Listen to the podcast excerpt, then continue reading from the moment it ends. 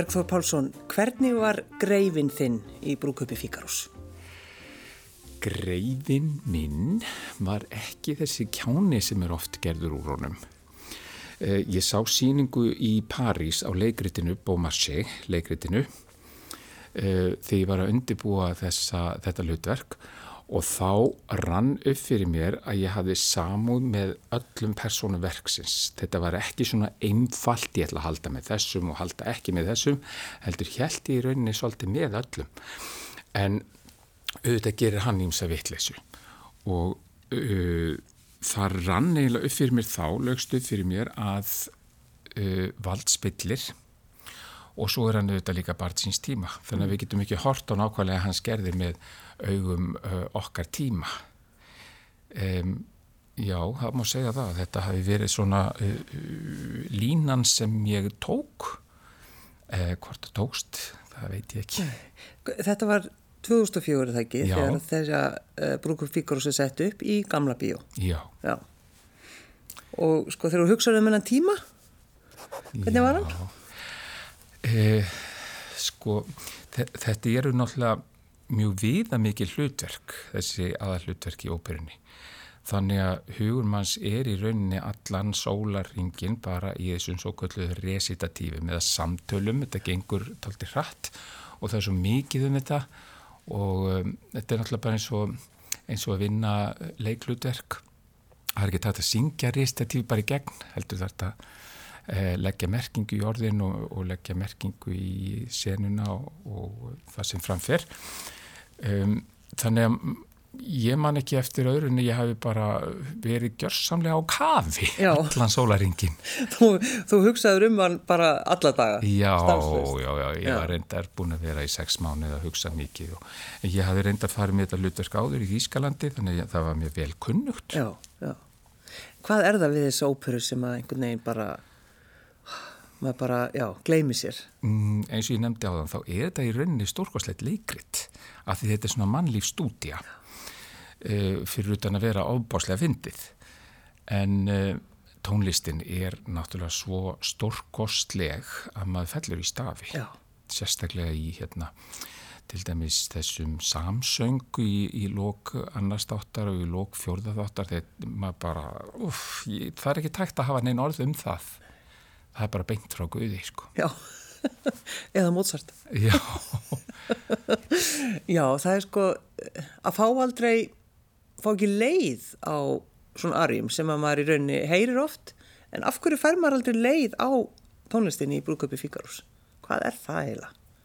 þetta er rosaleg spurning. Hún er náttúrulega bara svo vel samin. það er nú einfalda svarið held ég. Já, Og uh, já, stæðins tímans tönn. einhvern veginn, gerum Já, það. Já.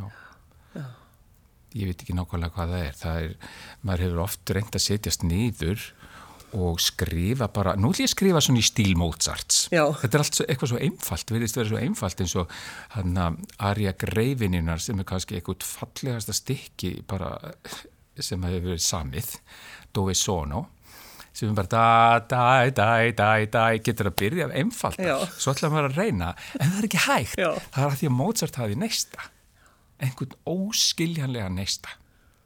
Og ég hlakkar svo mikið til að sjá þetta, ég bara get ekki beðið. Já, en núna eru við sem sagt ekki, uh, þeir eru, fólk er ekki að fara í, uh, á svona þann stað þar sem íslenska óperan hefur verið. Nei, Nei. nú er færið í þjóðlíkúsið, það verður reyndar, það var svo sem verið síndaróperur í þjóðlíkúsinu, það vantar ekki.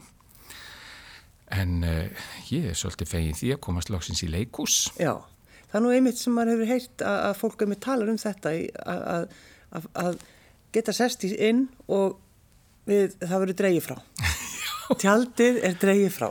Já, já, það er eh, upplifun fyrir marga en, en eh, svo er náttúrulega fyrst og fremst að það er ringsvið í þjóðlíkúsinu þannig að það er hægt að snúa því og, og maður þarf ekki að sjá allt frá byrjun sem maður mun sjá. Já, eins og er í bíóhúsum og tónlistarhúsum þar sem að uh, þar sem ég er bara ein leikmynd og það er kannski með einhverju fiffi og, og fínum lausnum stundum hægt að gera góða hluti en, en maður finnur alltaf að það eru lausnir af því að við erum ekki í leikhúsi. Er, er greifin, er þetta svona hlutverk sem að hvað þið þykir eh, væntum? Já, já, ég held það. Það sé svona á topp þrjú allavega. Já. Já, er svo, það er svo marg slungið og skemmtilegt. Og um, jú, svo náttúrulega hef ég alveg getað sungið sko papageno í töfraflutunni alla æfi og aldrei fengið leið á því. En þú sungið hann það ekki? jú, jú, Já, það var bara svo gaman. Sko. þetta er, þetta er mörgulegt erfiðara því að þetta er, er bæði rallega meira krefjandi og uh, margslungnari karakter. En hvernig er það fyrir þig, Bergþór Pálsson, að fara bara sem áhörandi inn í uh, óperu og hlusta óperu? Hvernig, hvernig ertu alltaf bara svona, hmm, já, það hefði kannski átt að vera öðruvísi. Já. Eða hvernig, hvernig er það þegar þú sest inn í salin? Mér finnst það bara dásamlegt vegna þess að þegar maður er í síningu þá fær maður aldrei að sjá hana. Nei, Þannig að mér finnst það stórkoslegt að fá að sjá hana og líka bara að fá að fylgjast með fólki gera vel. Mér finnst það dásamlegt. Ég fyrir ekki til þess að gaggrína.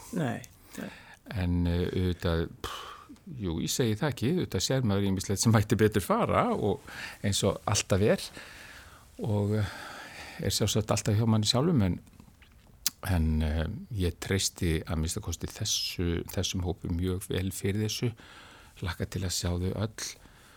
Og uh, Ottur Arþór sem greifin finnst mér mjög góður kostur og, og náttúrulega Sílikovski líka sem var hérna í Onjekin Já, akkurat.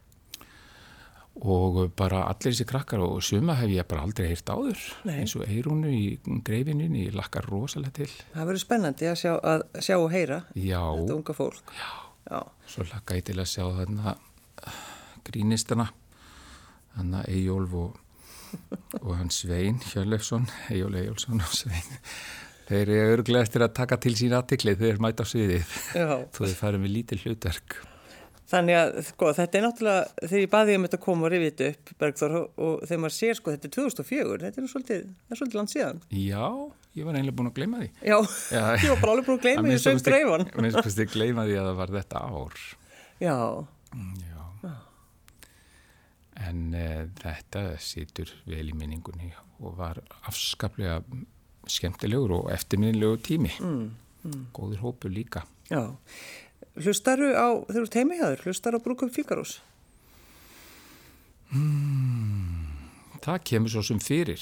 Maður, þetta er náttúrulega orðið svo breytt núna. Maður er alltaf hend á Spotify og setur bara eitthvað í og, og hérna, velur ekki alltaf sjálfur. Og, Nei, nei, nákvæmlega. en jú, jú, en mér finnst gaman til dæmis tegið með nefnendur að bera saman kannski tíu söngvara sem að fara með ákveði hlutverk eða aðri Já, þá dettur þetta nú oft inn. já. Uh, varstu með góða hárkollu, Bergþór? Já. Þessari síningu, 2004. Nú bísna góð.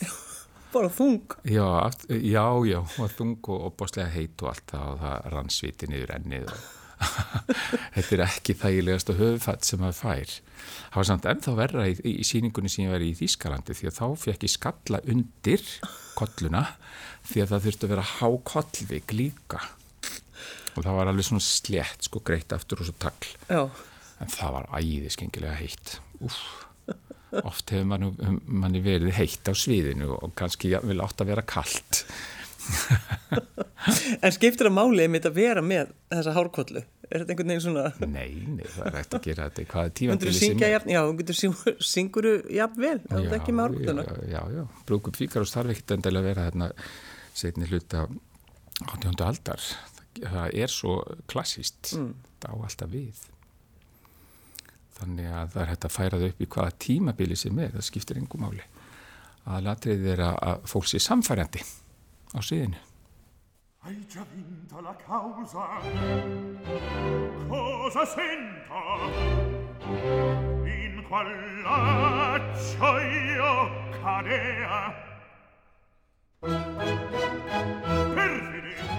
io voglio, io voglio di tal modo punirvi!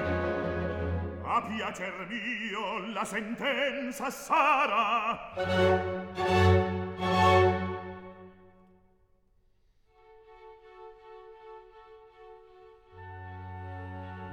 Ma se i pagasse a vecchia pretendente Pagarla? In qual maniera? E poi di Antonio, che a un incognito Figaro ricusa di dare una nipote in matrimonio.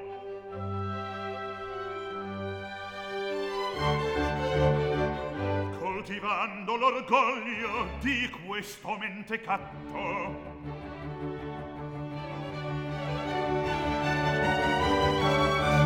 poco giova un raggiro.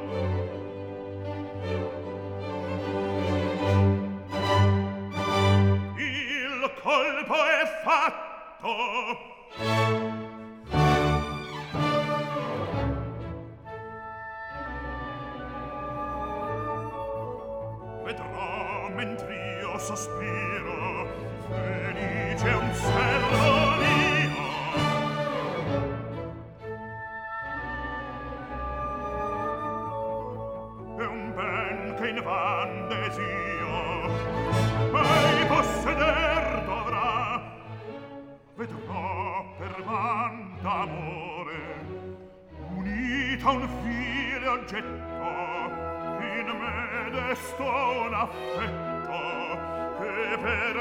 poi non ha che per me poi non ha vedrò mentre a sospiro felice un servo mio. Vedrò che un bel chio desio ei posseder dovrà. Vedrò per man d'amore unita un fine oggetto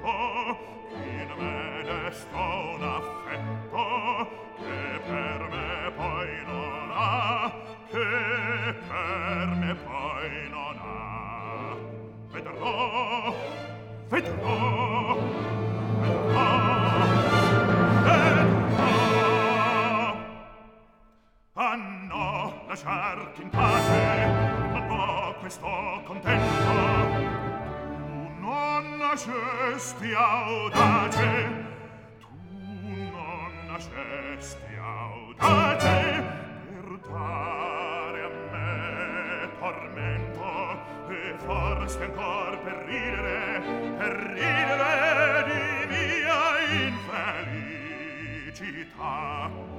Già la speranza sola delle vendette mie quest'anima consola e giubilar mi fa e giubilar e giubilar mi fa. Ah che lasciarti in pace non ho questo contento. Tu non nascesti audace per dare a me tormento e forza ancor per ridere per ridere di mia infelicità. Già la speranza sola che le vendette mie quest'anima consola e giubilar mi fa e giubilar e giubilar mi fa e giubilar.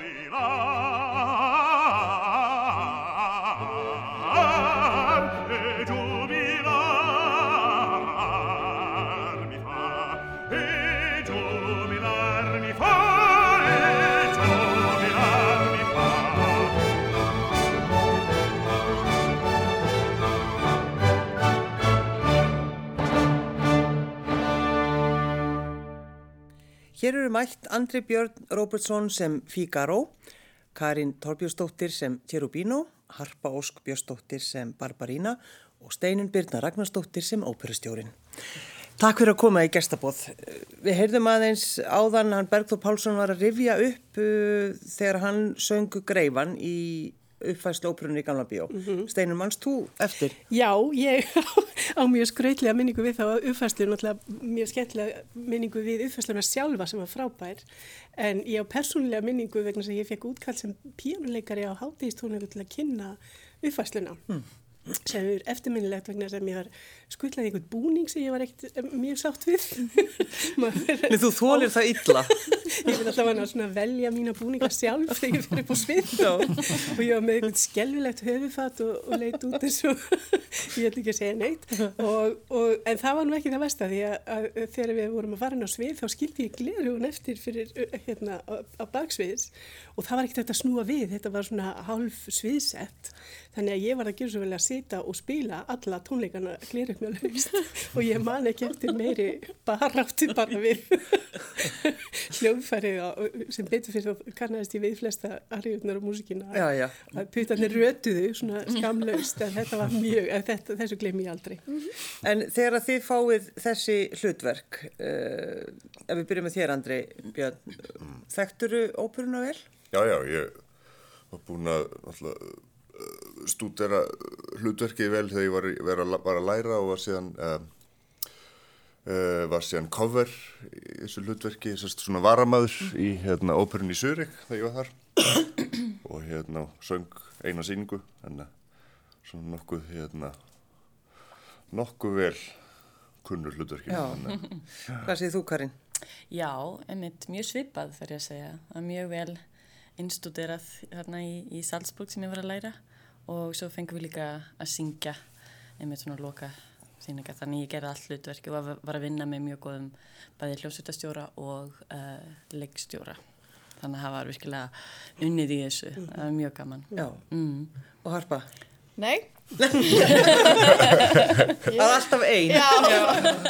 Uh, ég, ég hef ekki, ég hef sungið arjur bæði hérna greifinunar og, og súsönnu, bara svona í tímum og hérna, en, og auðvitað hlusta á óperuna nokkur sinnum, en, en ég hef aldrei, aldrei unnið þetta verk eins og þau tvö. Þannig að þetta var rosa mikið nýtt og skemmtilegt. En þá væri kannski líka gott að fá að vita svona hvar þið eruð einhvern veginn í veröldinni. Uh, Karin, hvar, hvar ert þú yfirleitt? Yfirleitt sko, ég er í Prag í Tjekklandi, þar bý ég og ég vinn svona tónlistarlesið hef ég unnið í Þískalandi, Östuríki og Sviss. Já, já, og þar, mest þar hef ég verið. Þannig að það er gaman að koma að hinga núna. Ha. En þú, Andri?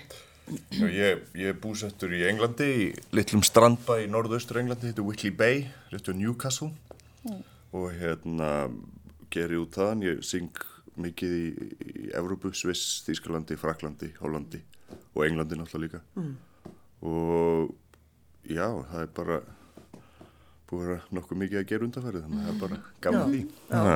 En þú hafði samt tíman til þess að baka köku og koma með hana hérna í þetta gestabóð og við, ég Já, bara ég takk ætla nú fyrir ekki, það. að- ætla nú ekki að taka heiðurinn að þessari köku sko. mamma, mamma sá um þetta sko. hmm. Þetta er svolítið svona eins og uh, oft ef ég er svöng sko þá býð ég bæði Bergþór og Albert í þáttum mér því að það er með eitthvað. Þannig að, þannig að þú ert alveg komin inn sko. Já, já, já, Ég- þið þurfum að fylgja. Já, greinilega, já, greinilega.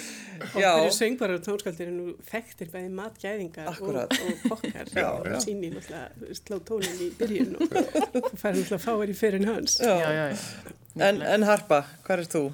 Ég uh, hef hingað til verið stödd á Íslandi, verið í söngskólanum í Reykjavík og var svo eitt ár í listaháskólanum í söngdeldinni þar og núna komst ég inn í tónlistaháskólan við Leipzig, þannig ég er að flytja mig set og færum um set og hérna og ég er rosalega spennt fyrir því. Já. Fer þar inn og, og læri hjá Kóluratúr söngkonu og það verður rosalega gaman.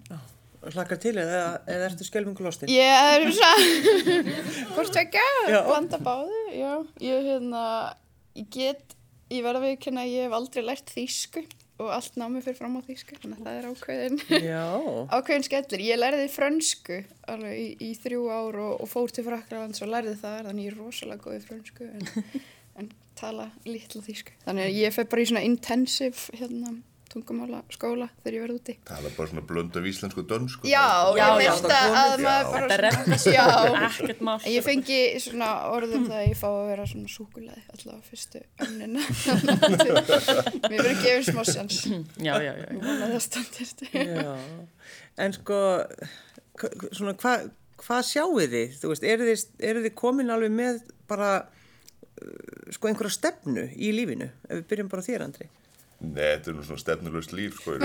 Já, ég glemur þetta. Alltaf í er- ferðartöskum og hleypur. Já, já, hann að það, ef maður vil fá okkur á festu í lífið þá er þetta kannski ekki, Ekki rétti starfsvettingurinn, sko, en hérna, en jú, jú, minna það, allavega þetta hefur gengið, gengið hingað til og, og, og, meðan maður hefur enda gaman af þessu og, og þá bara heldur maður áfram og, og hérna, tala eins og ég er sjóðin 70, sko, en hérna, Þú ert þá reyndar því hér í hópnum. Já, já, en samt, samt er, bara, er bara svona, hérna, svona bransi að maður verður bara að taka hverju verkefni fyrir sig og verður bara ánægða þegar, þegar vel gengur og, og ekki stressa sig um of þegar að maður lítur í dagbókin og það er ekkert næstu þrjá mánuðina. Þá verður maður bara að anda með nefn og halda áfram. Það er bara svolítið. Já. Algjörlega. Hvað segir, hvað segir þið um þetta, Karin? Já, ég er alveg sammála verið að segja. Og ég líka, ég fór með þess í nám í kvikmyndaleiklist. Þannig ég er að gera bæði og núna og það er mjög spennandi. Eitthvað, mér finnst það að koma úr óperu í leiklist svona, um, kvikmyndaleiklist, það er bara, það er svo mikið, hvað ég segja, það gefur miklu meira. Ég skil veginn miklu meira, það er skemmtilegra og svo koma aftur í óperu eftir að vera aðeins þar, það, um, já, ég get ekki komið orðað þessi, ég bara einhvern veginn finn bara Það hvernig er svo margt sammeigilegt. Já, mjög, Það sko. skörur er svo mikið. sko. Mjög mikið. eiginlega bara ríkari tilbaka í Akkurat. óperuna, þessari. Akkurat, og akkurat. Og mér finnst einhvern veginn bæði, bæði þessar bransar eru það einhvern veginn óörgir að koma að segja, eða spennandi kannski. Þannig að mér finnst það bara spennandi að aðeins prófa þetta, prófa þarna og svo sjá hvernig, hvernig þetta kemur einhvern veginn. Já, og ekki hafa áhyggjur í rauninni af framtíðinu. Þetta kemur alltaf eitthvað, sko. Já, Hvað með þig, Harpa? Já, ég, ég tengi rosalega við það sem að Andri sagði með að líti í dagbókinu þetta er svo, er þetta er svo rosalega hérna, maður mað veit aldrei hverju maður á að treysta þetta öll tækifæri koma bara sko svona og, og allt í einu maður er búin að taka allt og mikið að sér og Já. svo, hérna koma nokkrar vikur að mánu og sem er ekkert er að gerast. Akkurat. og ég hérna, ég er með gráðu í, í rafmaksverkfræði og Plan B. Já, ég ég hef alltaf að hugsa ef þetta gengur ekki upp þá, þá alltaf býður mín aðeins bakaskrif Og örugara. örugara en það er kannski ekki alveg, Já, Já, ert þú, Andri, ekki með, ert ekki með neitt annað? Ekki, ég kann ekkert. en það er svo gott þá hefur hann ekki tækifæra á að, að hlaupa út um dyrnar hjá plani B. Já, að gefast ekki upp. Já, þá, þá kannski verður meira harka í því En, en Steinum Birna, við höfum svo oft talað um einmitt sko þessa drauma sem að ungir tónlistamenn og ungir söngurar hafa. Hvernig finnst þér svona að fá þe þessi þrjú til þín og, og að tala einmitt um draumana?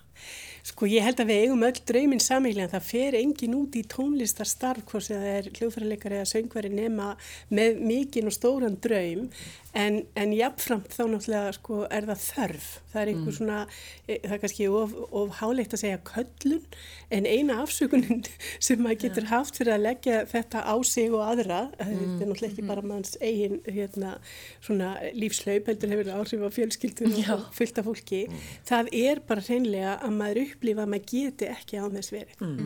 Þannig að maður, það er ekki eins og maður eigi eitthvað voða mikið þó við séum að tala hérna um plan B Já. sem að ég er alltaf dáist að eitthvað að hafa, ég er eins og andri, mér datta ekki eins og hug. það kvarlaði ekki að manni, það var ekkert í, í, í bóði, það bara, þetta var það sem kallaði á mann og þetta var það sem maður gerði. en, en sko, jafnvel þó að maður eigi plan B þá á maður ekki val. Nei. Og það er þess vegna sem maður þólir óvissuna, maður þólir óöryggið og að hafa tóma, tómt kalendar fyrir saman sig, það er af því að þörfin er svo sterk. Og þess meira æfintýri þegar maður upplifir að, að maður fái tækifæri þess að maður getur látið það sem maður getur eh, svona skína öðrum til svona upplifunar. Þannig að, að það er galdur sem er ekkert hægt að bera saman við neitt annars þar. En núna erum við þá, er það ekki að, að heyra nýja rattir? Eh, Jú, sannlega þau- rattir þar að segja á þær eru- sviði þau íslensku eru- óperu, já, það verður aldrei ekki nýjar. Nei, nei, nei. Fyrir er, er, er það er svo sé- eh, rosalega gaman að eitt af því sem að ég líti á sem svona eh, hlutverk í íslensku óperunar það er að náttúrulega kynna ungt fólk og nýtt fólk til leiks því miður erum við ekki með það sem heitir óperustúdíó mm. af því við getum náttúrulega augljóslega ekki gert allt þannig að þess meira held ég að það sé mikilvægt mikilvægt að, að, að kynna ungt fólk til leiks eins og Harper þarna. Í sínu debúti bara sem uh, söngkona í óperu uppfæslu, ekki bara hjá íslensku óperinu eins og Karin og, og andri sem eru náttúrulega, ég, ég vil kannski ekki segja hókin af reynslu því þau eru svo ung. En Hokin af reynslu. þau eru ekki tórn að láta mikið á sig en hafa verið að syngja erlendis og þá þarf ég alltaf að vera með augun og, náttúrulega sérstaklega eirunópin að fylgjast með þessu fólki sem er að syngja úti og, og Íslensku óperan hefur náttúrulega orðið svona svolítið eh, ég- svona til þess að fólk hefur einmitt komist í þessu starfi lengra erlendis og svo er náttúrulega galdurinn þá að ná því tilbaka Já.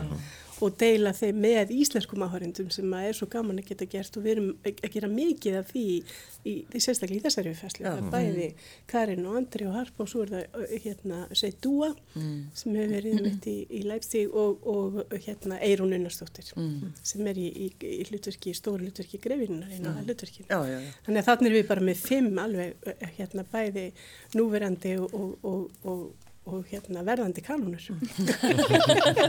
Þannig að dagbókin ykkar núna, þið skrifið er það ekki á hverjum einsta degi að því að þið eru hérna bara til þess að fylla upp í. Það er ekki, þú veist, það er ekki bara frumsynning, það er bara hverja einasti dag og það er stúdut að brjálað að gera. Já, já, já, já. Vaknaði klukkan átta. Er að, er að hýta mig upp. Já, einmitt, þessir, allir þessi draumar. En eh, hvað er það við, við eh, þessa óperu? Við brúkum? Já, og það er náttúrulega held ég, eh, þú farði eins mörg svör eins og, eins og þú spyrð marga. Já. Þetta er náttúrulega fyrir mörgum svona bara óperan, bæði er náttúrulega tónlistin svo stórkostleg og svo, svo hérna saminast svo margt í henni. Þetta er í eðli sínu gaman ópera hluta þessari trílógíu sem að búið maður segja samdi og, og, og þarna er greifinjan Rósínan úr, úr, úr, úr rakaranum og fíkar og mm. mætir aftur og, og sagan heldur áfram. En, en svona ef við köfum aðeins ofan í svona innihald óperunar þá er hún náttúrulega á yfirborðinu þó hún sé þessi ópera búfa þá er þarna undir niður í fullt af alvarlegum áleiknum spurningum. Já, já. og þannig verður náttúrulega allt leikús að vera. Það við segjum ekki í gegnum uppfæsluna hvað fólki á að finnast eða, eða við svörum ekki spurningunum en við, við vonandi vörpum þeim fram og, og spyrjum þessara áleikni spurninga eins og varðandi fóréttindi, varðandi stjættaskiptingu, er þetta eitthvað sem við viljum eh, eða ekki? Og svo þetta með, með náttúrulega eh, svona þessi fóréttindi sem fylgja eh, þessum stjæ, efri stjættum eins og þarna er mjög sterk skilgreining á því. Og þar með náttúrulega koma mjög viðkvæmi hlutir eins og talandum hérna þegar vorum að, að, að svona ákveða hvernig við ætlum að kynna óperuna, þú getur tekið svo marga vinkla að þá vorum við að henda á, á loft svona ýmsum hugtökum og þá komum við og segja, okkur segjum við ekki bara frussandi framhjáhald?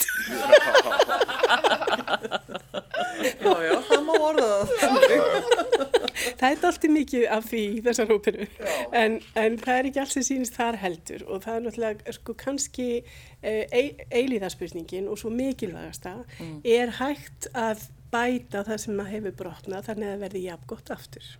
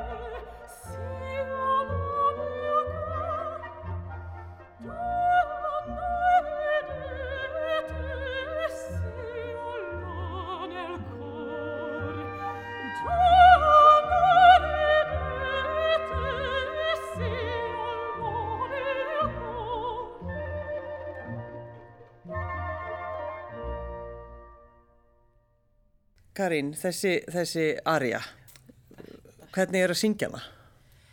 Það er mjög gaman og líka mjög, ég ber mikla virðingu fyrir hana. Já. Af því hún er svo vel þekkt og líka í þessu, í þessari óperu, í hlutverki, þá er það Kerubínu sjálfur sem hefur samið hana. Þannig að það er svo mikið tilfinning og hann er eitthvað svo, ó, reyna, gera þetta það, svo þarf hann einhvern veginn að halda þessari holningu en samt svo mikla tilfinninga, þannig að þetta er voða spennandi fyrst með að gera þetta. Já og, og, og hann er sem sagt eh, svona dæmigerður úlingur já. Uh, eins og sagt er með hormonatrublanir og er að leita sér að dömu. Já, akkurat. Og hann alltaf líka og hún meir alveg sama hvaða dömu, er það ekki? Já, já, já Já, blessast Þetta sko En hann hefur líka svona eins og við erum búin að vera að vinna með John Ramster, það er að hann hefur eitthvað sem heitir entitlement, hvað myndi það vera Í íslensku? forréttindi, það er ágætt Forréttindi, á íslensku sem hafa verið, hefur verið notað sem heitir forréttinda blinda þegar Já. einhverjum finnst að nega rétt á einhverju Akkurat. af því bara. Já. að því bara, einmitt, hann er svolítið alveg upp í þessu og hann tekur það mikið eftir um, uh, greifunum og sem hann náttúrulega er allir þessu, allir í þessu um, og já, það kemur það mikið ljós þar líka finn ég og bara í gegnum alla óbruna sko Já, hvað hún er marglaga og er En-. En af hverju er, er, er kona sem að leikur þennan unglingsdreng með hormonatrublanir? Já, góð spurning. Maður er náttúrulega, það væri mjög skemmtilegt að geta sagt að Mozart hefði þarna verið að hugsa um uh, jafnrétti og, Já, og kynja hlutföll. Það er ekki bara en, þetta að fyndi. en þessi, þessi tradi, og í þessar, þessum óperustíl þar sem eru þessar buksnarullur sem eru mm. meðsóðarnir, Akkurat. mig gruna nú að það hafi ráðið ferðinni uh, hérna, hljóm, rattljóm, rattsviðið og samhljómurinn í, í svona samsöngnum og Já. ég hugsa að það hafi verið svona leiðaljósi í þessu vali. Balansinn í, í allir hlutverkarskipan. Já, já, já, já akkurat. svona hármett og legan er frekar há Já. og í skorinu stendur bara soprano, það stendur sopran fyrir alla, en það er þetta með litunum sko, Já. sem að kemur inn að það vera aðeins dekkri bara til þess að aðeins gefið til skynni það er ekki maður, Já, já, ekki já. ungu maður Og alveg. svo er nú svona til að ruggla áhrandan á einu staði í óperunni er kerubínu sem er sungin af konu sem á að vera unglingsdrengur, þá, þá fer hún í kvemasfött Já, Já, til að við klum fyrir greifanum já, nú er ég og alveg- er að skilja. fyrir. Þannig að, svona gafkvæmst áhörendur sko ef einhver finnst erfitt að skilja sögu þráðin þá er það ekki persónlegt vandamál. Nei, það er ágætt að að, hérna, googla þetta aðeins og lesa sér til. sko. Já. sáður. mæli með því já. En þá væri kannski einmitt svolítið gaman að við skoðum Fígaró næst. Mm. hefnasti unnustinn, Já. ekki? Og greindasti maður sem að bara til er. Fæðist hefur. Já, Fæðst ég hefur á Spáni. Honum finnst það sjálfum allavega. en þetta svona, hann hérna, þetta er svona mikil, mikil tilfinningar rússipanni fyrir hann þessi ópera. Hún fer svona upp og niður mjög mikið og byrjar alveg á, hérna, sko, í hæstu hæðum, sko, svo gladur og ánæður og brúkustægin og síðan bara hrinur veröldin bara þarna í, sko, fyrstu dúastunum, sko, bara fyrstu tveimur númurunum að það var bara veröldin hrunin. Hmm. Og hérna, og, og hann ferðast svona í gegnum, sko, í svona bylgjum í gegnum, gegnum óperuna, sérst í rosalega ánæður síðan hrinur allt og rosalega ánæður síðan hrinur allt. og- Tilfinningar er bara, en hann hérna, hann samt finnur alltaf aftur sko sjálfströstið og, og hérna og trúin á, sjálf, trúin á sjálfan sig að hérna að hann geti leist úr þessu. En er þetta, hann er heimskur eða? Nei, hann er ekki heimskur, en hann er,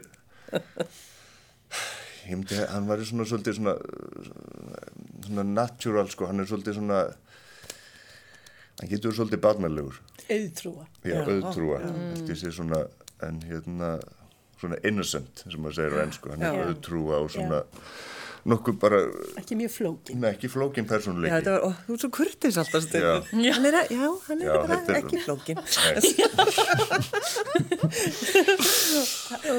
Alltaf ekkert farið úrskeiðis og allt þetta, sko. nei, nei, en, en sko, hann lifi náttúrulega mjög góðu lífi, er það ekki? Hann, hann er, hann er, virðist vera mjög hamingjusamur. já, og náttúrulega á þessum tíma í þessari stjættaskiptingu þá hérna, hefur hann náttúrulega náð eins langt í lífun og hann mögulega getur. Náttúrulega verið rakarinn í Sevilla og síðan er hann ráðinn hann sem, sem sagt, hérna, helsti þjótt greifans mm. og maður og hans stjætt getur ekki hugsað sér neitt betra og hann búin að finna þarna konu sem hann elskar og, og, og hérna allar að giftast og hérna þannig að já, hann er það gerist ekki betra heldur, en- heldur en það.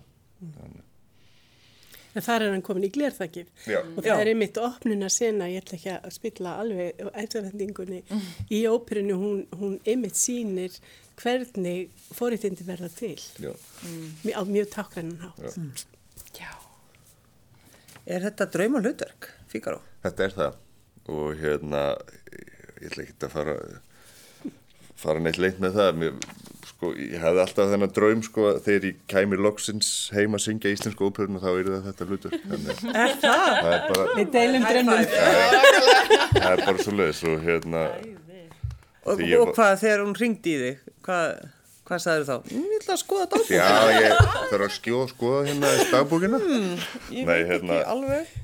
nei, nei, við áttum nokkuð áttum- samtalum þetta og já, já. hérna Ég er búin að vera að býða þetta tækifæri að, fá rétt að hlutverki og hérna það, það er líka mjög mikilvægt í þessu að, að, að finna réttu hlutverkin fyrir sig út af því að það er ekkert verra heldur en að taka ramt hlutverk og, og Einmitt. líða illa í því. Og það, það gerir engum neitt gott hvorki þeir sem er hlustar eða því saman þannig að, nei, nei, þetta er algjörlega drauma hlutverk. Já, það er svolítið skemmtilegt. já, En uh, Harpa, Barbarína, Já, hver er Barbarína? hún er ung og hún er klár.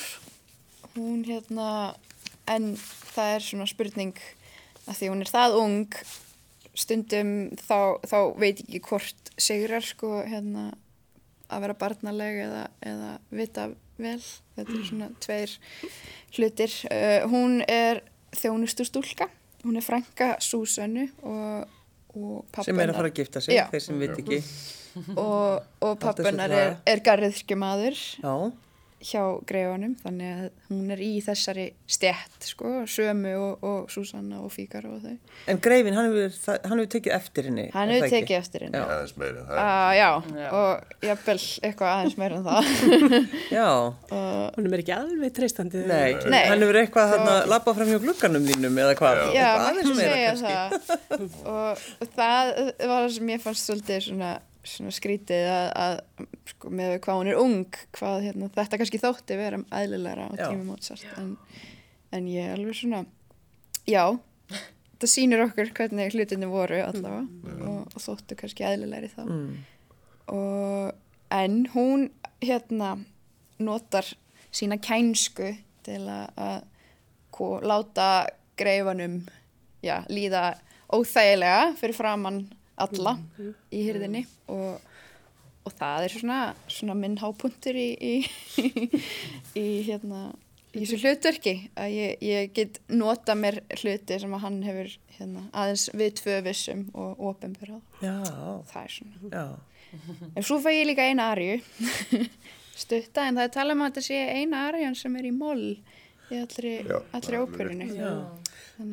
Það segir mér allt rosalega mikið.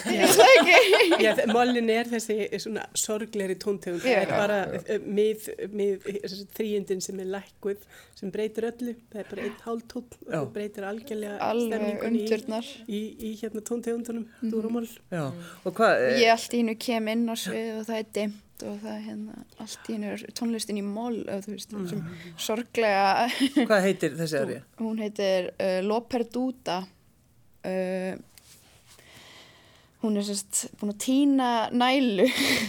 Ég, það er líka að tala um sko, hvort þetta sé hérna, marglaga ari eða ekki og fólk er rosalega ósamála sem er halda á hann að týnt einhverju meira en bara mm, Já, hjartanu. Já, kannski jafnvel einhverju, einhverju Enda persónulega. barna, já, svona barna minnir á sönglega eftir Sibelius. Já. Já. Þetta er svona í þessi tó- listformi að þá náttúrulega hægt að segja hluti sem að eru margræðir og tvíræðir og, og án þess að það sé beinlínis sagt algjörlega verskjaldað eða, eða, eða ótvírætt. Já, og, uh, og ég held að þessi mjög góðu punktur sem Arpa kemur inn á að, að, að hvað hún er ung er mjög sláandi og uh, en eiga síður þá er svona í verkefnavali séð frá mér að þá er náttúrulega áskorunin að gera eldri verk eh, ha- að tengja þau nútíman og nú erum við náttúrulega að fást við eh, alls konar mál sem að snerta þetta sama. Nákvæmlega. og, og þess vegna er, er gott að minna okkur á hvað okkur finnst í lægi og hvað okkur finnst ekki í lægi og hvernig við komum í vekk fyrir að hluti gerist sem eigi ekki að gerast. nákvæmlega. Þannig að, að þetta er manns eðlið, ég vil kannski ekki segja því miður en það er náttúrulega, það verðist breytast mjög lítið. Já, já, En það sem við getum breytt er okkar viðbröð við því. Og, og sett hlutinu í farveg þar sem að, að, að fólk er örugt og því getur liðið vel og það hlýtur að vera sem sagt, áskorunin og verkefnið okkar allra. það sem er svo kannski mest sjokkarandi við þetta er húst þetta er hérna mál sem hann kemur með upp í óper og ég er vissum að Mozart hafi komið með þetta upp út að þetta þetta, eh, auðvitað viðgekst þetta en, en, en, Já. en var kannski ekki sko Þessu engum hafi þótt þetta í læg. Nei, nei, Nei. og það er svona sjokkarandi hversu lengi þetta hefur Viðgengist. viðgengist já. og, og fólk, eh, auðvitað, fólk hefur vitað um þetta allar tíð það er bara Hve- Hvernig, hvernig hljómar áttur þessi arja? Hún er ekki mjög fræg, sko. Hún er ekki mjög fræg. Nei, Nei, en þarna spyr maður sig, er þetta ástæðan fyrir því að hún er í mól?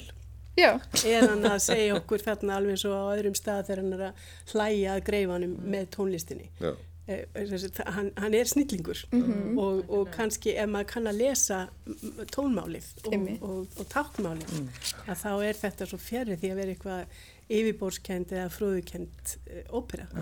En þar maður sko að, að þekkja vel söguþráðin áður um maður kemur sér fyrir í, í góð sæti í Æ, ég þjóðhúsinu. veit það ekki, það, er ekki bara, ba já og nei. Já, er það ekki? sumum Ég- finnst það betra og aðri vilja bara taka Já, þetta bara inn eins koma og njóta já. og Já. taka inn og það er í prógraminu náttúrulega sögutráðurinn Já. og svo er persónlýsingar og fólk að þetta er mjög einfalt, þetta er er brúkastæður og, og það, ge, það gengur alltaf afturfótunum. Já, Já, já, já, já. og er náttúrulega sápa hérna, og pöra. Já, og, og svo náttúrulega þýttur textarnir á, skjá, á Já. íslensku.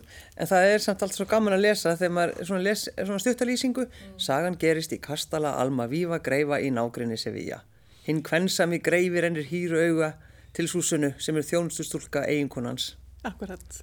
Dægin sem Súsan á að giftast Fíkaró hyggst greifi nýta sér aldagamlan herrarétt til að sænga hjá henni. Greifafrúin og Súsan að taka höndum saman um að leika á greifan og klækjabröð þeirra hafa ímsar kostulegar afleiðingar. Þarna, bara eittur í naglan og höfuð. Þetta er alveg, þetta er náttúrulega indislegt. Maður þarf ekki að vita meira. Nei, nei, í rauninni ekki. En þá kannski uh, erum við aðeins að, að, að því að færum okkur aðeins í þjóðlugúsið, færum okkur bara yfir í, í, í, í, í sko sviðið, það, er, það er snýst, það er, það er litla grifjan og þið fáið sem sagt tjöldin, Við fáum leikhúsið. já, þið fáið leikhúsið. Þetta er rosalega stór stund fyrir Íslensk óperuna í mörgum skilningi. Af því að þó að þetta sé náttúrulega tónlistarform og tónlistin sé alltaf leiðandi aflið í listforminu, þá er þetta sungið leikhús. Og þegar okkur vantar þetta, þessa möguleika að láta hluti hverfa og koma aftur og fljúa inn og út og, og sviða snúast og, og senuskipti sem við höfum verið að búa til og með fullri verðingu fyrir Eldborg sem, sem sal sem að getur verið stórkostlegur salur fyrir réttu óperutnar eins, og, þeir- eins og við erum að fara að gera vagnir þar og, og, og það, það verða bara verk verða að fá að vera það sem þau njóta sín best í rauninni. Þannig að við erum náttúrulega sko þarna nýtum þessa möguleika alveg til fullnustu þegar við komumst í þetta, þetta er eins og komast í svona dótakassa og hafa bara átt eina dúku Já, nákvæmlega, ég sé þetta alveg fyrir mér. Uh, óperustjórun kemur inn, ég vil nota allt. Ég vil nota allt í þessu húsi. Ég, vil, a, ég er að meina allt. Það er svolítið svo leiðis. Já, það er svolítið þannig. Já, en svo náttúrulega er fyrir utan allt annað þá er bara nálægð í þessu húsi við, við þetta verk og við sviði sem að bara verkið bara kallar á. Mm. Það væri bara óhugsandi að hafa þetta í sal sem að byggði ekki upp á þessa nálægð. Já, en Steinun, af hverju dattir þetta í huga? Er raunin að koma þessu þannig? Ég er nú ekki að finna upp hjólið. Nei, ég veit það, það. samt er óperur í þjóðlíkusna. En, en, En, en ég, samt, þú veist, hitt ef þið verið bara, já, við erum bara alltaf nýri hörpu Það eru mjög margar ástæður fyrir því. Það, er, það eru bæði, ég hugsa að það er sami, ég geti saminaðar allar bara í einni setningu með því að segja það er rosalega mikilvægt að stofnun uh, svona eins og Íslensku óperan sé gerandi í eigin örlugum, hvernig sem á það er litið. Og það er það sem ég hef svona unnið að lengt og ljóst síðan ég tók við þessu starfi. Og þetta skref er, er í þá átt að við getum í rauninni skapað okkar eigin örlug, verið með síningar þar sem að þær njóta sín best hverju sinni og hagað okkar svona e- ekki bara vi- e- segleti vindum heldur svona ákveði sjálf hvað eru mörg vindsti í gangi.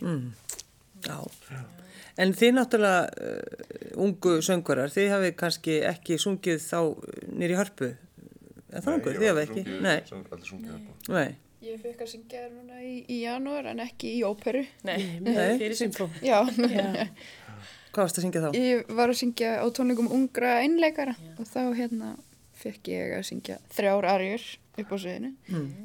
Glæsileg framistæða. Já, það ekki? Litur en B-Game Já. og leikrænu tilþrifum eins og aldrei fyrst. Þannig ég fekk að, nú fæ ég sko samanbörðin, þá hef ég prófað það og þá, Já. hérna, en ég fengi að heyra að, að allir er bara, þú verður að vera rosalega þakklátt fyrir að, hérna, þú veist, eitt og sér það að fá að æfa á sviði sem er tilbúið bara á sviðsmyndinni, Já, það eru bara er náttúrulega einstakt. svakaleg forréttindi Já, og bara að hafa að fá að vera þarna og, og það er bara svo nálæg, bara svo fullkomlega við þetta verð. Já, Harpa, hva, þegar að Steinun ringdi í þig, hvað, hvað sagður þá við hana? Ég að gefa upp á mér eitthvað skrítið hljóð. ég þekkti ekki Já, svo er bara ekki upp Og sagður alveg, Steinun, Steinu hver?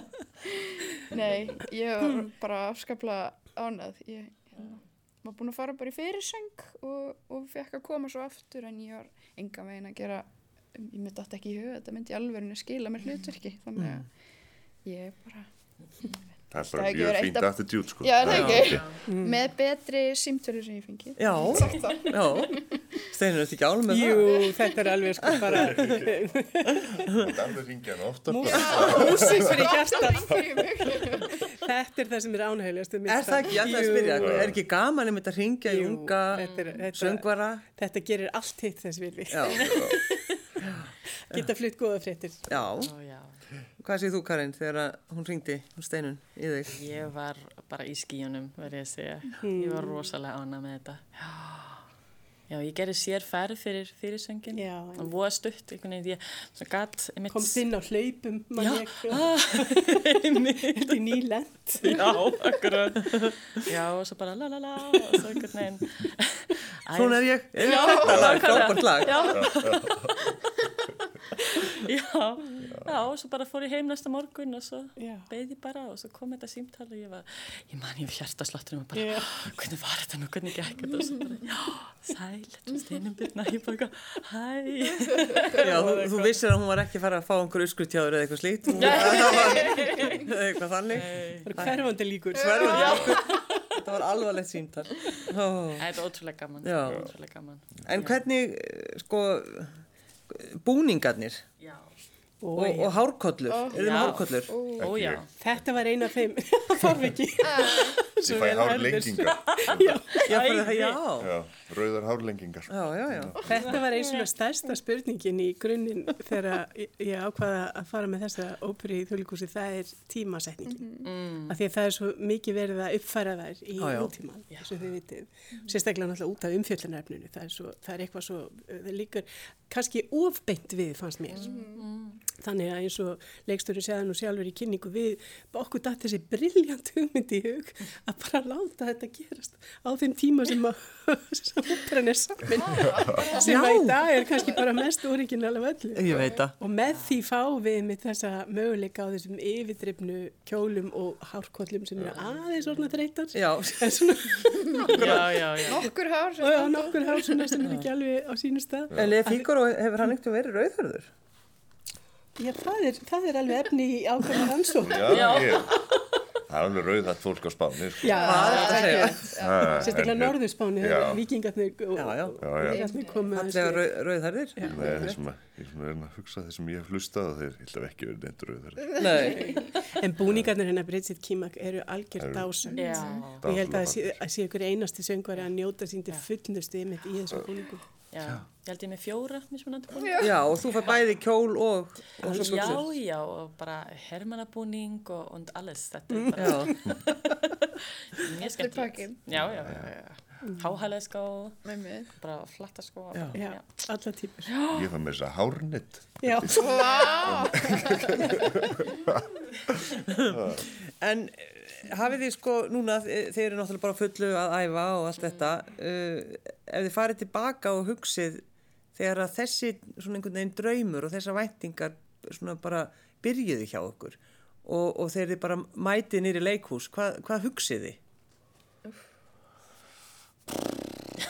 Ó, þetta er stór spurning. Yfir þeirrumandi, getur sagt það. já. Ég er náttúrulega bara svona bland af, af, af stressi og spennu og, og eftirvæntingu og, og hérna en síðan er bara, þú veist, eins og með allt saman að maður mætir og maður er vel undirbúinn og, og maður er búinn að leggja mik mikla hugsun í þetta og þá hérna. Og síðan bara vinnum maður vel allar þessar vikur og, og þá hérna. Kemst meira og meira inn í hlutverk. Já, já. Já, að maður verður alltaf, þetta alltaf þægilegur og þægilegur og já, þægilegur. Já. þannig að Mér líður já, eins og þetta sé alltaf að færast ofar og ofar, maður staðnar ekki, þetta er einhvern veginn á leiðinni einhvert. Mér sko um leiðum maður er búið með fyrstu æfinguna, Já. þá einhvern veginn getur maður aðeins andað Já. og svona fe- notið, en ég maður fyrir fyrstu, þá, þá var þetta aðalega bara stress. Ekki mikið annað sem komst Já. að hjá mér, en, en ég leða það var búið, þá hérna, hlakka komið tími til að njóta. Já. En getur maður okkur sungið, sko, getur maður sungið ef maður er rosalega stressaður? syngur náttúrulega verð er stress hjálpar aldrei. Nei, minna pláss fyrir, fyrir öndun og, og þú andar miklu grinnra þannig að það var ekki svo leiðstress það er aðalega bara svona Þannig að það sem maður á að læra einhvern veginn í námi, hvernig að takast á stressi og einhvern að veginn anda stressi niður. Nákvæmlega, nota það kannski sem orku frekar, Já. heldur en að láta það stýra mann einhvern veginn. Já. Þið með ekki, tíma. þið með ekki gleyma að anda. nei, nei, nei, nei, nei. það er, Já. það er grunnurinn að þessu öllu já ég líka kemur alltaf að mér þessi hugsun núna bara er þetta í alvörin eitthvað sem er hægt að vinna við þú veist, þetta er bara Já. er hægt að hafa svona gaman í vinnunni Ég er bara, það er nefnilega ekkit bannað að hafa skemmtilegt Nei, Nei. að hafa skemmtilegt í vinnunni þú veist, að, betra. Ha. að það sé eitthvað svona rosalega gefandi sem maður getur bara að starfa Svo ég ég að fæstir átti sig á hvað, sko talandi um þetta frábæra fólk, sko, hvaða ögun þarf í þetta. Það er ekki bara að kunna að be- bæ, bæja stressinu frá þannig að það hafi ekki áhrif á, á, á framistuðuna, heldur bara þessi ægi sko, á öllu. Þetta er svo aðdáunavert og því ég held að fólk átti sig ekki á því svona, svona utanfrá sér. Hvað þarf mikið til að geta staðið þarna upp á sviði og sungið svona hlutverk eins og þeir eru að gera í svona falleri óperu. Hvað ætlum við að hlusta á í lokin? Það er ein, ein arja í viðbútt. Já, er það ekki, Jú, það er Arja Fígarús úr, úr fyrsta þætti, lók fyrsta þáttar, Non più andrai, þar sem að sem sagt, uh, greifin hefur tilkynnt það og senda Kerubínu í, í stríð. á hann eitthvað til? Senda greifin vil losna við hann, hennan, hérna, strák sem er að reyna að hérna, stela öllum konunum sem að hann er, hefur áhuga á líka. Og, hérna, og Fígaró finnst þetta ekkert leiðilegt og tekur þátt í þessu og hérna, þeir gera svona svolítið grínað Kerubínu. Andri Björn Róbertsson, Karin Torbjörnsdóttir, Harpa Ósk Björnsdóttir og Steinun Björn Ragnarsdóttir. Takk fyrir að koma í gestabóð og takk fyrir kökuna. Takk, takk fyrir Sem okkur. far salone amoroso Notte e giorno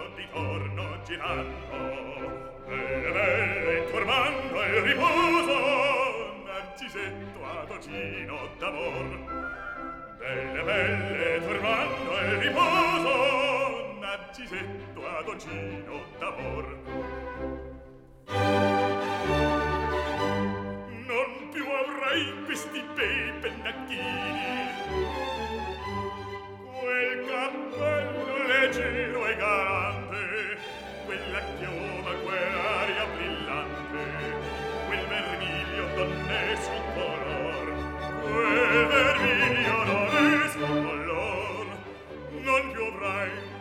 quei pennacchini, quel cappello, quella chioma, quell'aria brillante. Non ti udrai farfallone amoroso, notte e giorno di torno girando, delle belle turbando e riposo, narcisetto agogino d'amor, delle belle turbando e riposo, Narcisetto ad Ogino d'amor. Tra guerrieri pa farbacco Remo stacchi stretto sacco, Schioppa in spalla, sciabe al fianco, Collo dritto, muso franco, Un gran casco, un gran turbante, Molto no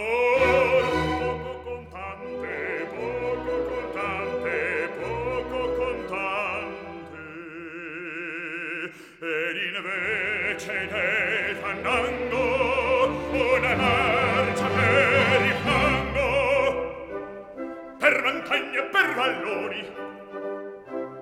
Colline e vizzolioni al concerto di trombone di bombarde di canoni che non vallen tutti i toni all'orecchio fan fischiar non più mai quei pennacchini